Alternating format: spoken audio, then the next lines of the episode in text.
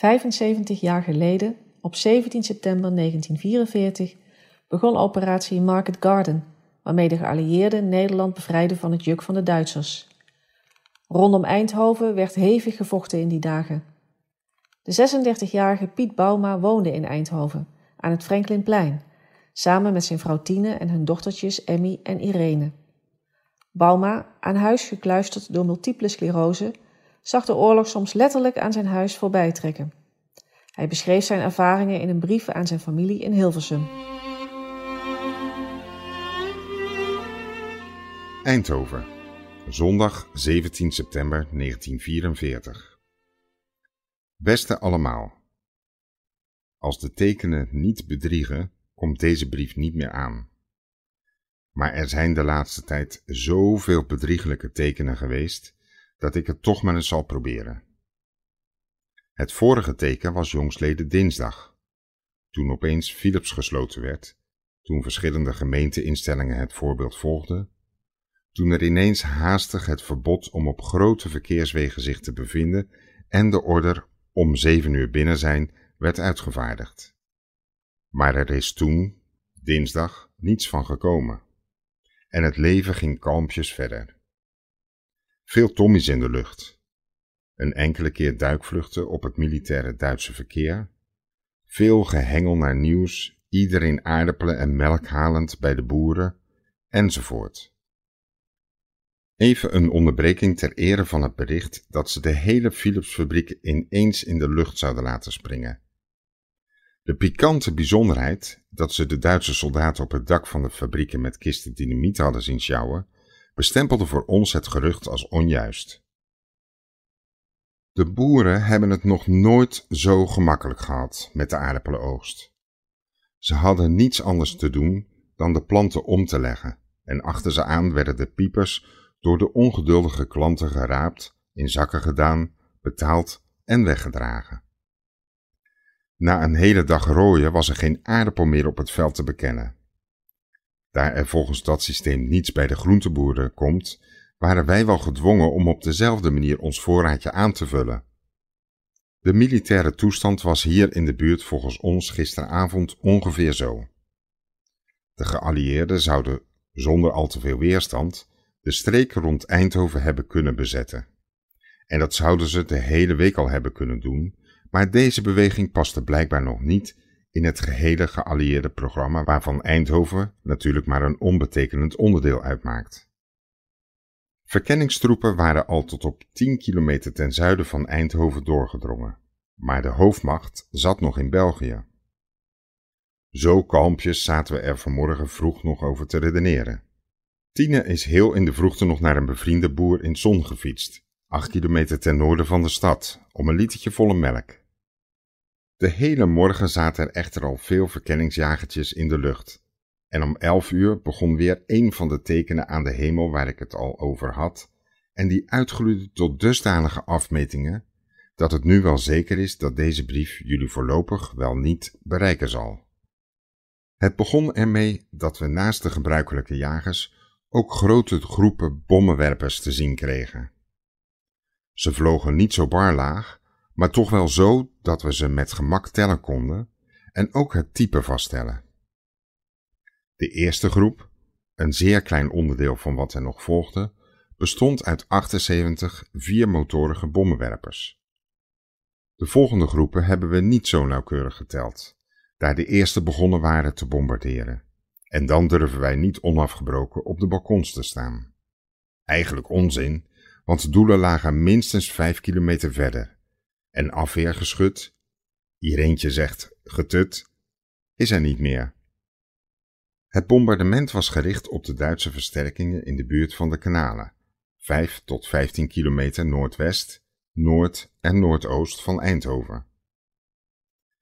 De ene groep na de andere volgde en liet zijn last vallen. Elke groep keurig in verband vliegend van 6 bij 6 is 36 vliegtuigen. Toen we na een uurtje uitgedreund waren, ben ik weer ter ruste gegaan. Weldra kwamen er groepen jagertjes om de resultaten waar te nemen. Het leek op het laatst wel een show van de verschillende geallieerde typen: 1, 2 en 4 motorige jacht, bombardements en verkenningstoestellen met één of twee staarten, enzovoort. Maar het mooiste moest nog komen. Om twee uur ging Tine ook wat rusten, met het verzoek haar in geen geval wakker te maken, behalve, voegde zij er voor de grap aan toe, in geval van geallieerde parachutisten. Ze lag er nog geen half uur in toen ik weer massa's vliegtuigen hoorde. Ik sloop naar Ireentjes kamer om ze van het balkon af te bekijken. Het waren grote transportvliegtuigen van een type dat we nog niet eerder hadden gezien. Iedereen stond natuurlijk op de uitkijk, voor ramen, op balkons en op daken. Plotseling klonk de kreet van de daken: Parachutisten! En werkelijk, toen er een troepje van 36 voorbij was, bleken ze honderden op onze afstand als bolletjes waarneembare voorwerpen achtergelaten te hebben, die langzaam naar de grond zakten. Alles in de richting zon, waar ze vanmorgen ook al zo bezig waren geweest. Ik wilde juist Tine wekken met de boodschap dat er profetieën uitgekomen waren, toen ik haar al op straat zag, daar de buren meenden een beter uitkijkpunt te hebben dan wij. Emmy holde achter haar aan. Ik bleef maar bij Ireentje, die onverstoorbaar haar middagdutje voortzette.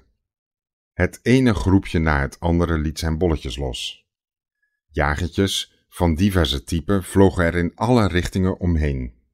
De laatste twee groepen lieten geen bolletjes los. Dat bleken transportvliegtuigen met voortgesleepte zweefvliegtuigen te zijn. De laatste werden losgelaten en landden, allen in dezelfde richting. Later hoorden we het gerucht dat ten zuidoosten van Eindhoven, richting Leende, iets dergelijks zou hebben plaatsgehad. Toen de rust was weergekeerd, begon men de nieuwe situatie te bespreken en kwam men tot de conclusie dat nu toch uiterlijk morgen de geallieerden uit het zuiden op zouden komen zetten. Tot nu toe, kwart voor zes zondagavond, is er nog niets gebeurd behalve wat niet al te erge ploffen van diverse kanten. Slotakkoord van de Duitse Sprengkommando en een voortdurende verkenning door jagers. Er heeft zich vandaag weer geen enkel Duits vliegtuig vertoond en het afweer was miniem. Van de duizenden vliegtuigen die we vandaag gezien hebben, alle op klaarlichte dag, laagvliegend, zijn er waarschijnlijk maar twee verongelukt. Daar ik overtuigd ben dat deze brief onder de gegeven omstandigheden zijn bestemming niet zal bereiken, bewaar ik hem voor jullie en zal er van tijd tot tijd nog wat bijschrijven. Zondag 17 september s avonds. Vanmiddag nog verschillende plaatselijke ontploffingen bij Philips, waar de Duitsers ketelhuizen, machinekamers en andere centrale punten proberen te verwoesten. Daar het allemaal nogal gehaast en onverschillig plaatsvindt, valt de schade achteraf nog mee. Na het eten een nieuwe sensatie. Ze zullen het PNEM-transformatiegebouwtje schuin tegenover ons huis in de lucht laten springen na links en rechts mijn licht opgestoken te hebben, blijkt dit gerucht een vrij grote waarschijnlijkheid te bezitten en we nemen de nodige voorzorgen. Voor de ramen open en de mensen achter in het huis. We wachten geruime tijd. Als eindelijk de drie paffen komen, valt het erg mee. Zelfs geen enkele ruit kapot. Maar het transformatorhuisje, dat natuurlijk veel transformatorolie bevatte, brandt als een lier, met dikke zwarte rookwolken. Kans op uitbreiding was gelukkig gering. Het staat nogal geïsoleerd. Er was geen wind en motregen. Vrijwilligers trokken er met spaden op uit, om door zandblussing nog te redden wat er te redden viel. Op dezelfde wijze hebben burgers verleden week een schoolgebouw geblust, daarbij de kostbare bibliotheek van het Natlab die in het aangrenzende perceel veilig opgeborgen was, voor ondergang gespaard. Na circa drie uur was ook dit brandje geblust.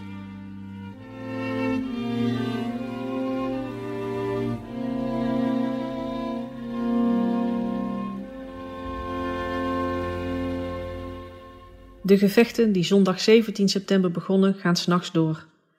In Eindhoven en omgeving staat iedereen op scherp Wanneer lukt het de geallieerden om de stad te bevrijden? Zouden ze de volgende dag het Duitse verzet kunnen doorbreken? Luister naar de volgende aflevering van deze podcast.